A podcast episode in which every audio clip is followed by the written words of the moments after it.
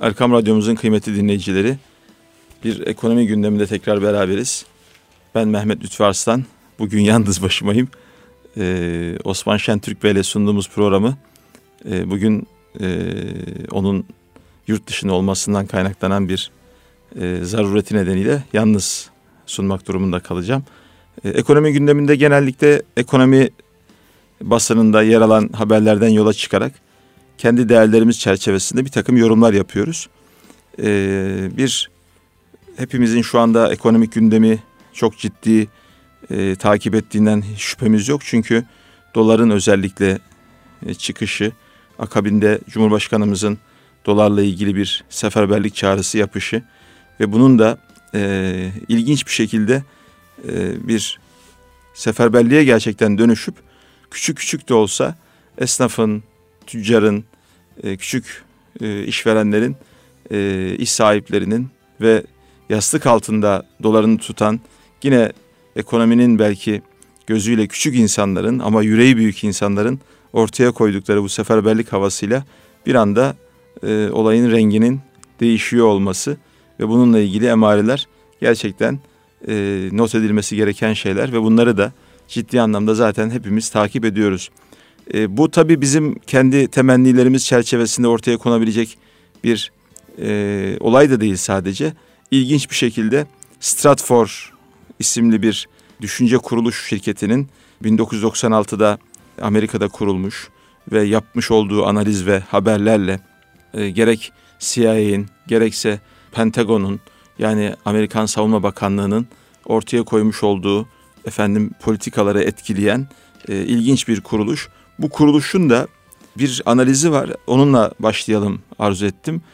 Cumhurbaşkanımızın ekonomik darbeye karşı dövizleri bozdurun şeklindeki çağrısı bu Stratford'da ilginç bir analize konu oldu ve Stratford şöyle yorumladı bu olayı.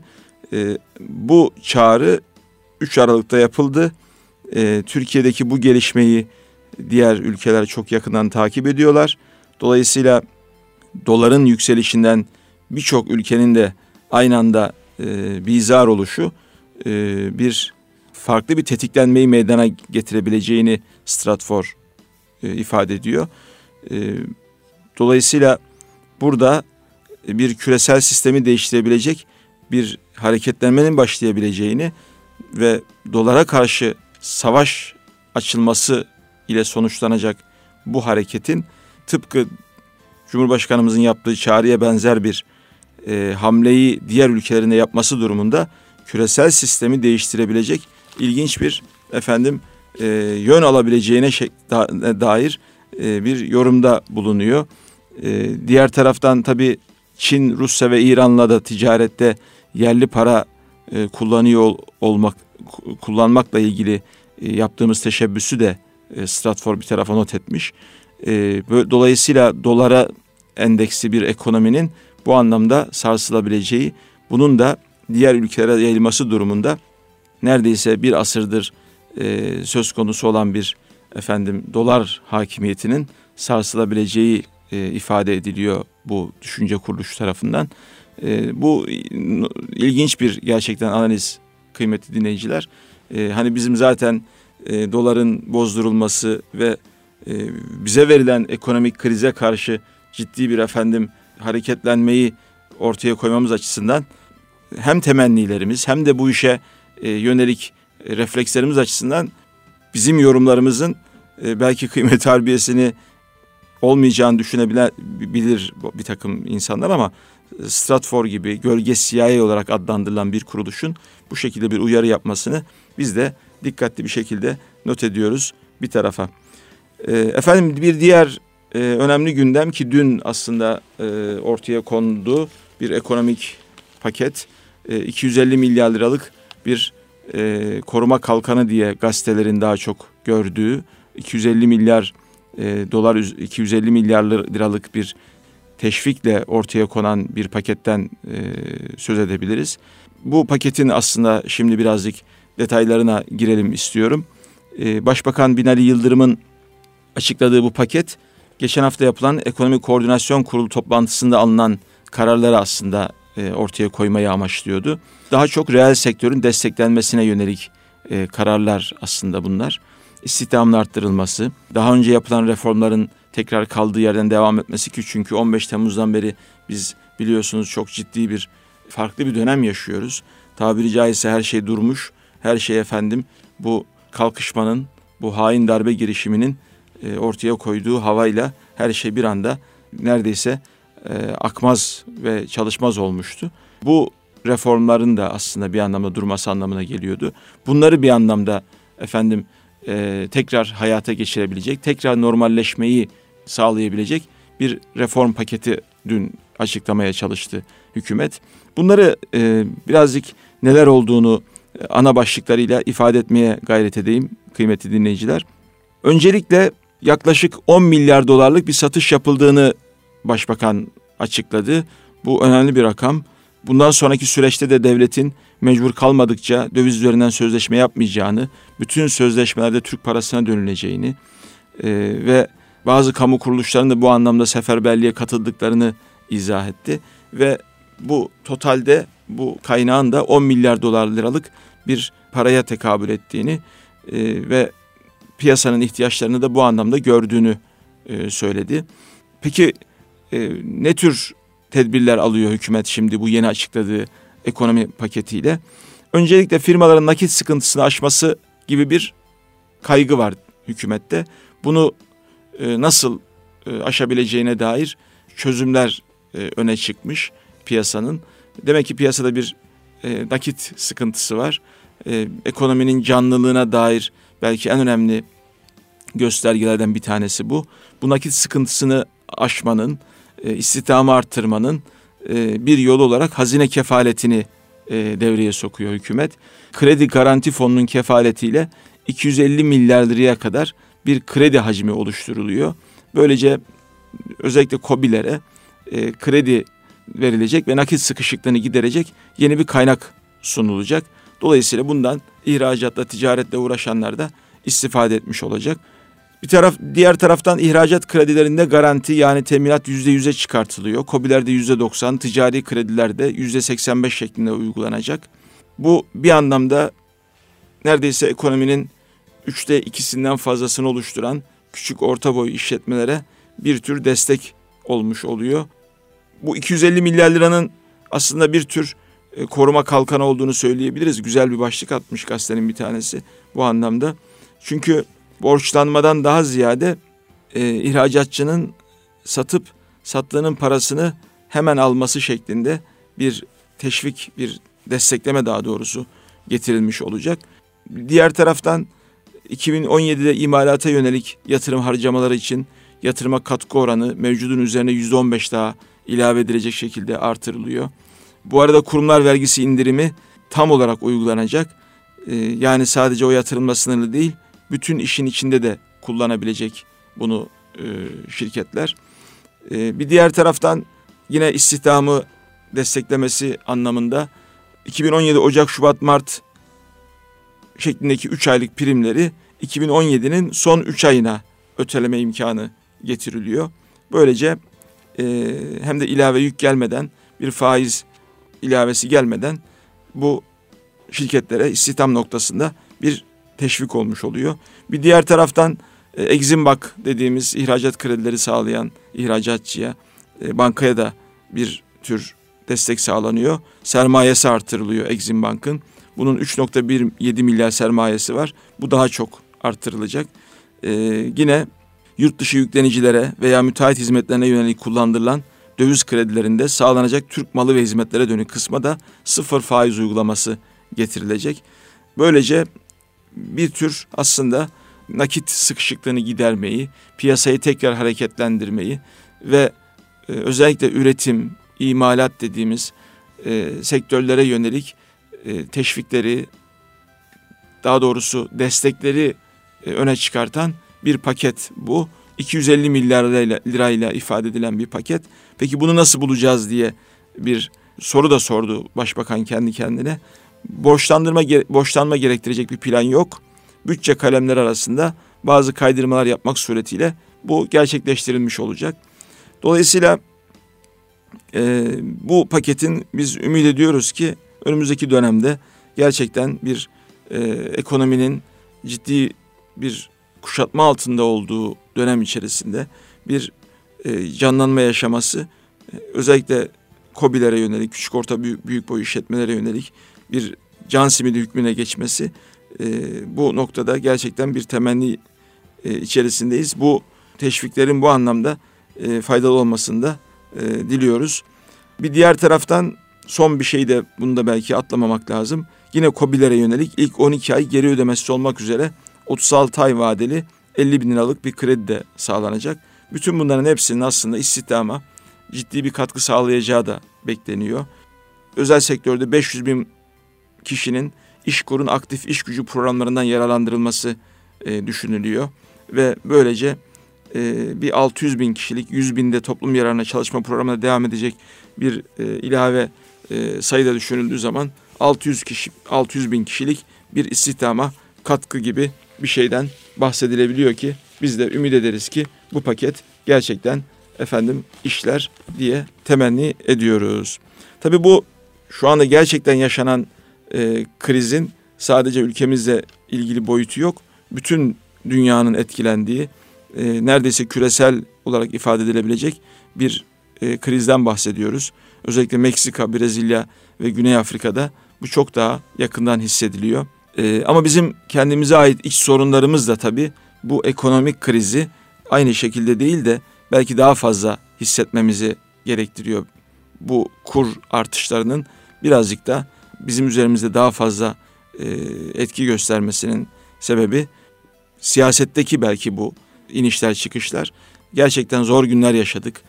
Özellikle 15 Temmuz sonrasında ortaya çıkan tablo, e, etrafımızı kuşatmaya yönelik o tablo. Bir diğer taraftan işte Amerikalı bazı analistlerin de ifade ettikleri ve ortaya çıkan görünümle gerçekten 15 Temmuz'a başarılamayanın e, özellikle son 2-3 ay içerisinde ciddi bir ekonomik ablukaya dönüştüğü şeklinde. Bunların tabi e, yine milletimizin feraseti, basireti, seferberliği, dayanışması ve katkısıyla e, aşılabileceğine dair ümidimizi hiç kaybetmiyoruz. Ama bunları da bir taraftan görmek ve buna yönelik belki manevraları boşa çıkartacak alternatif manevralar üretmek gibi bir efendim e, hassasiyetimiz de var. Bu kur, kur artışına yönelik e, küresel dalgalanmaların e, hükümetin açıklamış olduğu paketle e, etkilenmediğini söyleyenler de var ki aslında e, 3.70'lerden 3.30'lara kadar gerileyen dolar 10 milyar dolarlık bir e, katkıyı vatandaşımızın, hükümetin e, ve kamu kuruluşlarının, kamu kurumlarının yapmış olduğu bu katkıyı aslında e, gördü. Ama dediğimiz gibi küresel dalgalanmalarda bir tarafından bizim bu sıkıntılı süreci daha çok efendim götürmemizi zorlaştırıyor. Ama aşılacak. O noktada hiç biz e, karamsarlığa kapılmıyor, kapılmıyoruz ve gerçekten de bir seferberlik halinde olduğumuzun farkına varılmasını istiyoruz. Nasıl küresel düzende siyasi anlamda rant toplamak ve ilginç bir şekilde ülkelerin kaynaklarını sömürmek isteyen bir üst akıl var. Bunun bir de sermaye boyutu var. Spekülatif hareketlerle e, ne kadar çok kazanç yapabileceğini, ne kadar efendim e, vurgun yapabileceğini hesap eden ve buna yönelik siyasi manevraları da hesap etmekten geri durmayan bir efendim ekonomi var. Bu anlamda e, nasıl bir e, ekonomik düzenin ve kıskacın içerisinde olduğumuzu anlamak isteyenler için ben hemen e, aklıma gelmişken bir kitap tavsiyesinde bulunmak istiyorum. Bir ekonomik tetikçinin itirafları isimli kitabı e, birkaç cilttir o kitap. Muhakkak okusun e, ilgili dinleyicilerimiz. E, IMF'in, Dünya Bankası'nın ve ilgili ulus ötesi ekonomik kuruluşların bir takım ülkeleri kaynaklarını sömürmek ya da IMF'in ya da işte Dünya Bankası'nın kıskacını alabilmek için ne tür ekonomik operasyonlar yaptıklarını ve bunun aşama aşama hangi boyutlarda gerçekleştiğini gerçekten bir e, görmek noktasında çok efendim e, öğretici ve göz açıcı bir kitaptır diye düşünüyoruz. Bu bir taraftan kendi iç ya da yapısal e, reformlarımızla ilgili eksiklikleri görmemiz, görmemizi de engellememeli kıymetli dinleyiciler.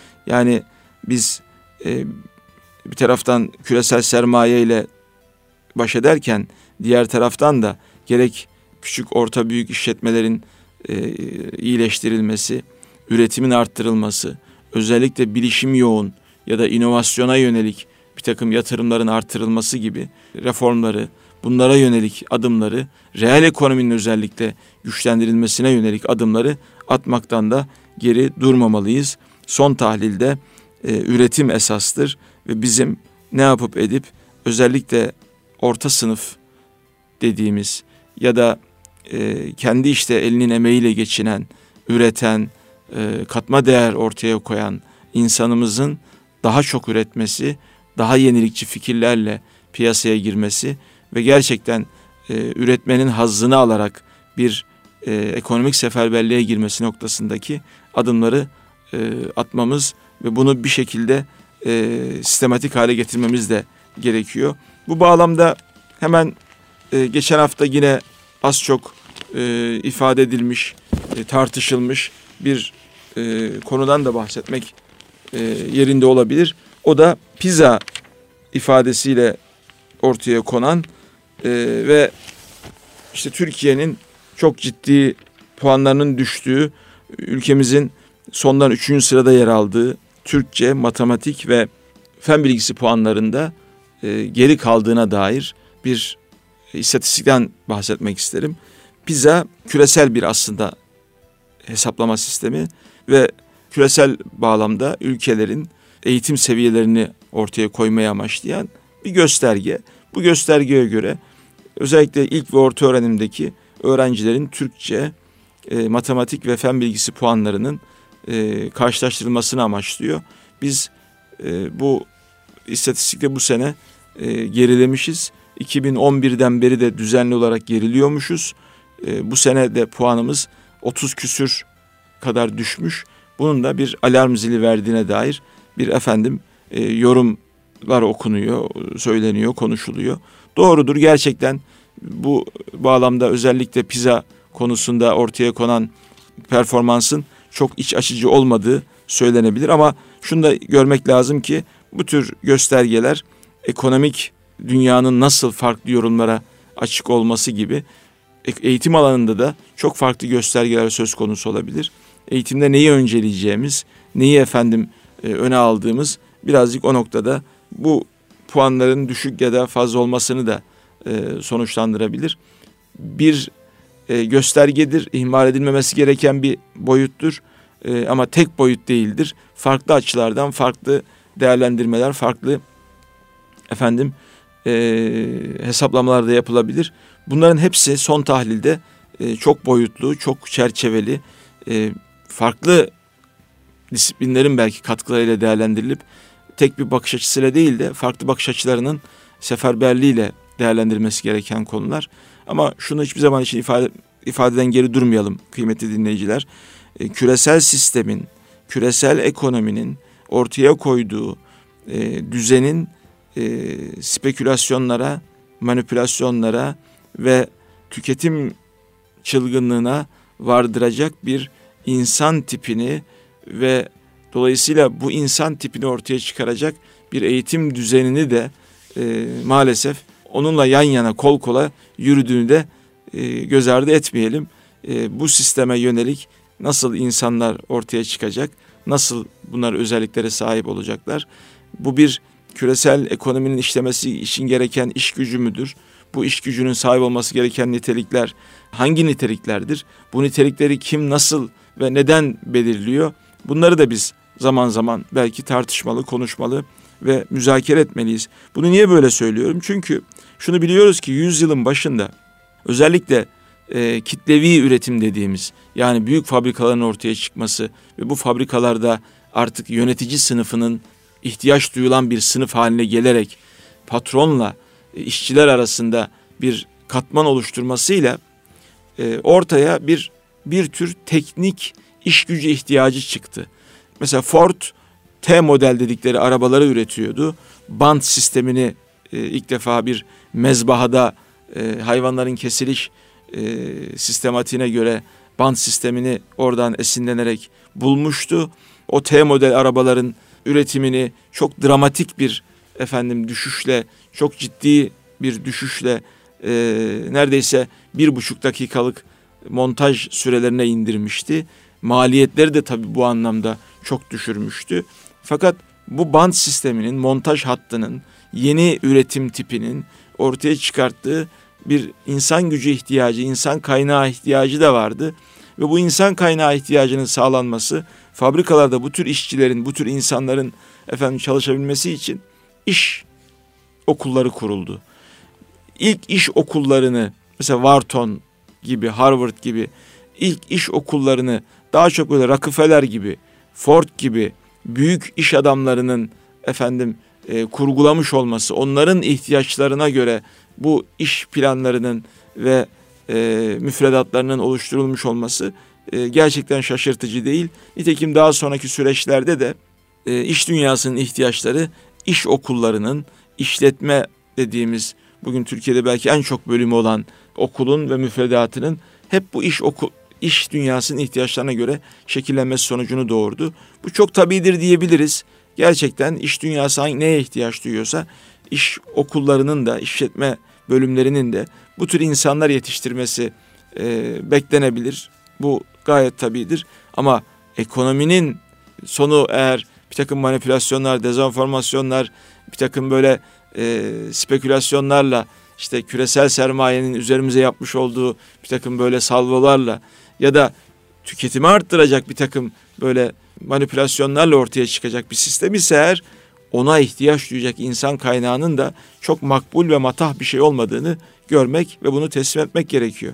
O bağlamda da insan tipinin nasıl yetiştirileceği, buna ne eğitim verileceği, hangi eğitimin bu anlamda makbul eğitim olduğu hep böyle ucu açık sorulardır. Bunları biz hem dünya görüşümüz açısından hem ruh kökümüz açısından hem de dünyayı ve hayatı değerlendirme noktasındaki kıssazlarımız açısından farklı bağlamlarda değerlendirmeyi bilebilmeliyiz.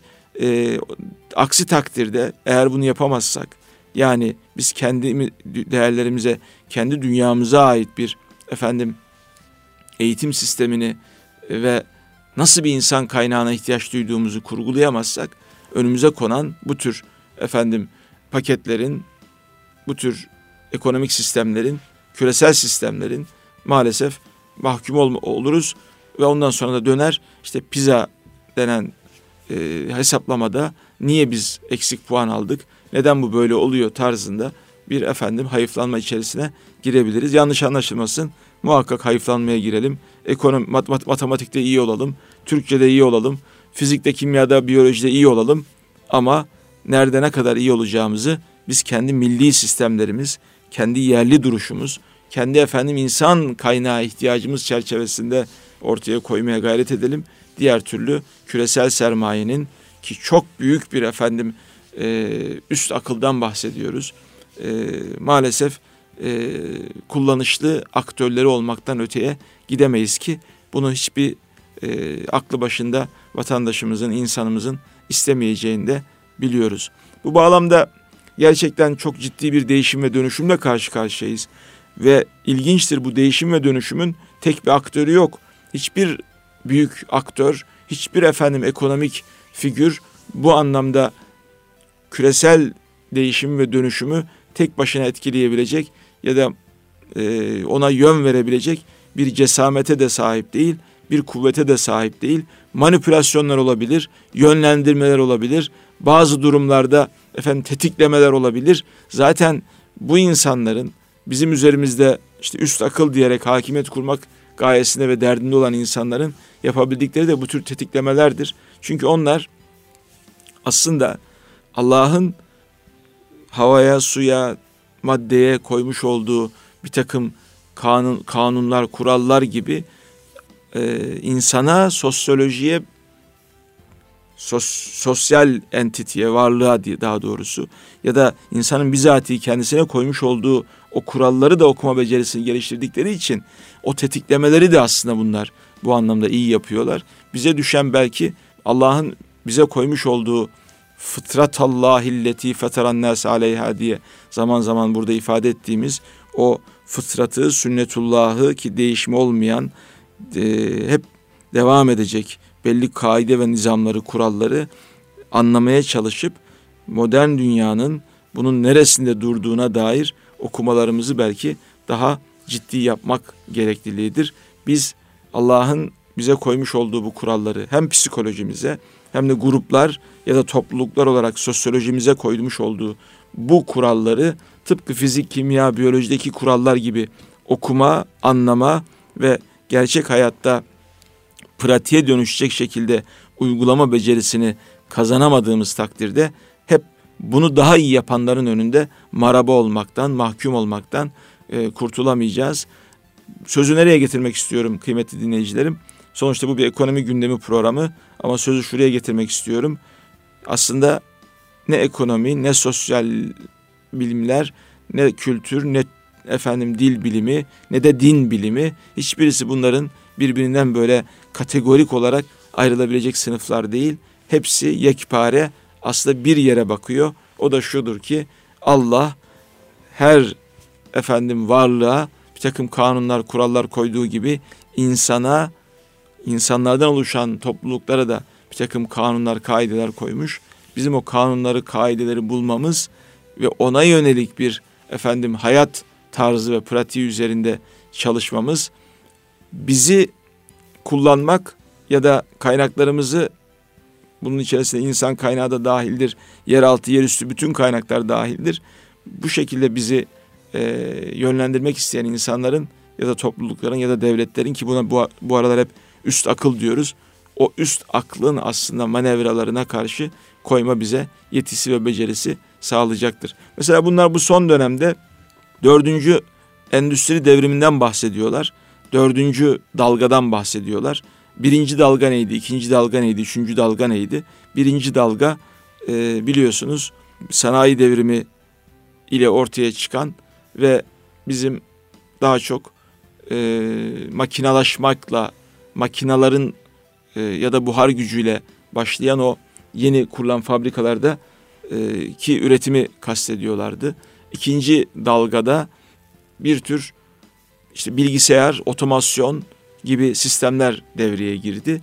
Üçüncü dalgada akıllı sistemler devreye girdi. Şimdi dördüncü dalgada artık e, o akıllı sistemlerin bir anlamda geleceği de tahmin edip işte akıllı evler, akıllı efendim yerleşkeler gibi bir takım çözümlerle, e, algoritmalarla hayatımızı idare eden ya da kolaylaştıran e, sistemlerden şu anda bahsediyorlar.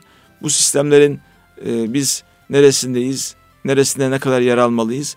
Tabi batıdan bir takım böyle aparılan, ithal edilen e, kavramların daha anlam dünyasına çok eremeden e, bir anlamda e, kendimizi böyle bir fırtınanın ortasında bulmuş gibi e, bu kavramlarla ma- maalesef cebelleşmek zorunda da kalıyoruz. Ama her halükarda bilmemiz gereken bir gerçek var ki o da hangi devre ve safa olursa olsun hangi e, safhada olduğumuzu söylerlerse söylesinler e, asıl olan üretmektir, katma değer koymaktır. Her sabah uyandığımızda Cenab-ı Hakk'ın bize vermiş olduğu o nefesin, diğer kaynakların, imkanların e, şükrünü eda edebilmektir. Her nimet kendi cinsinden bir şükürle ancak efendim bedeli ödenebilir. Dolayısıyla Allah bize hangi nimeti vermişse, yeraltı ve yerüstü zenginliği olarak ne bize bahşedilmişse onun şükrü belki onu bir hakkını ifade edecek kendi cinsinden bir gayretin, fedakarlığın, aşkınlığın ve çalışmanın, çok çalışmanın belki yoluyla olacaktır.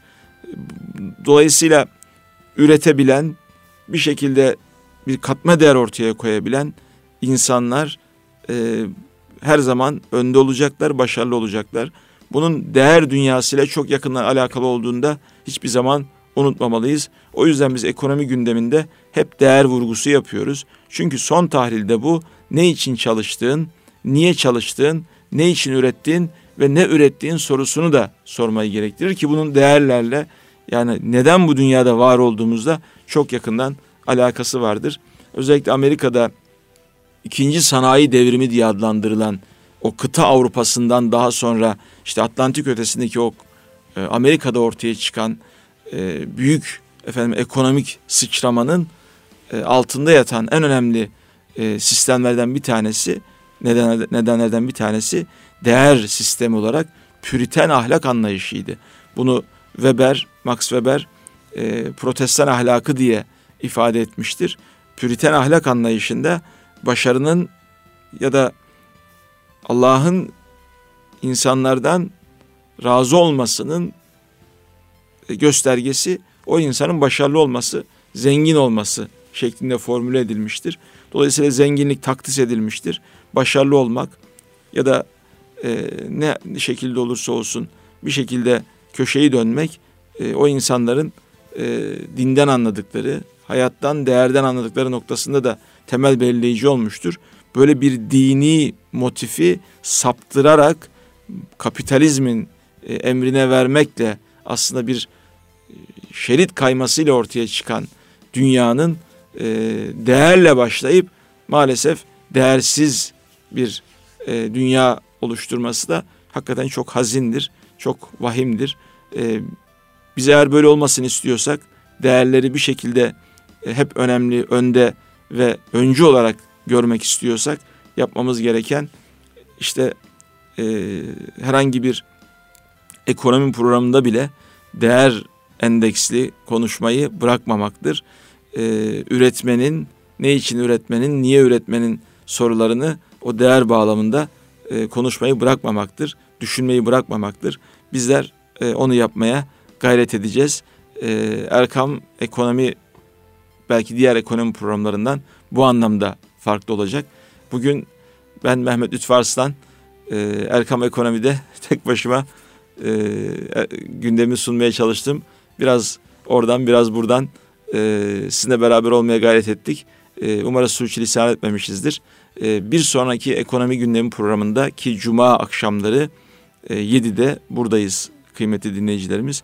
Tekrar kalbimizin frekansı Erkam Radyo'da buluşmak ümidiyle hepinizi Allah'a emanet ediyoruz. Hayırla kalın, hayırda kalın efendim.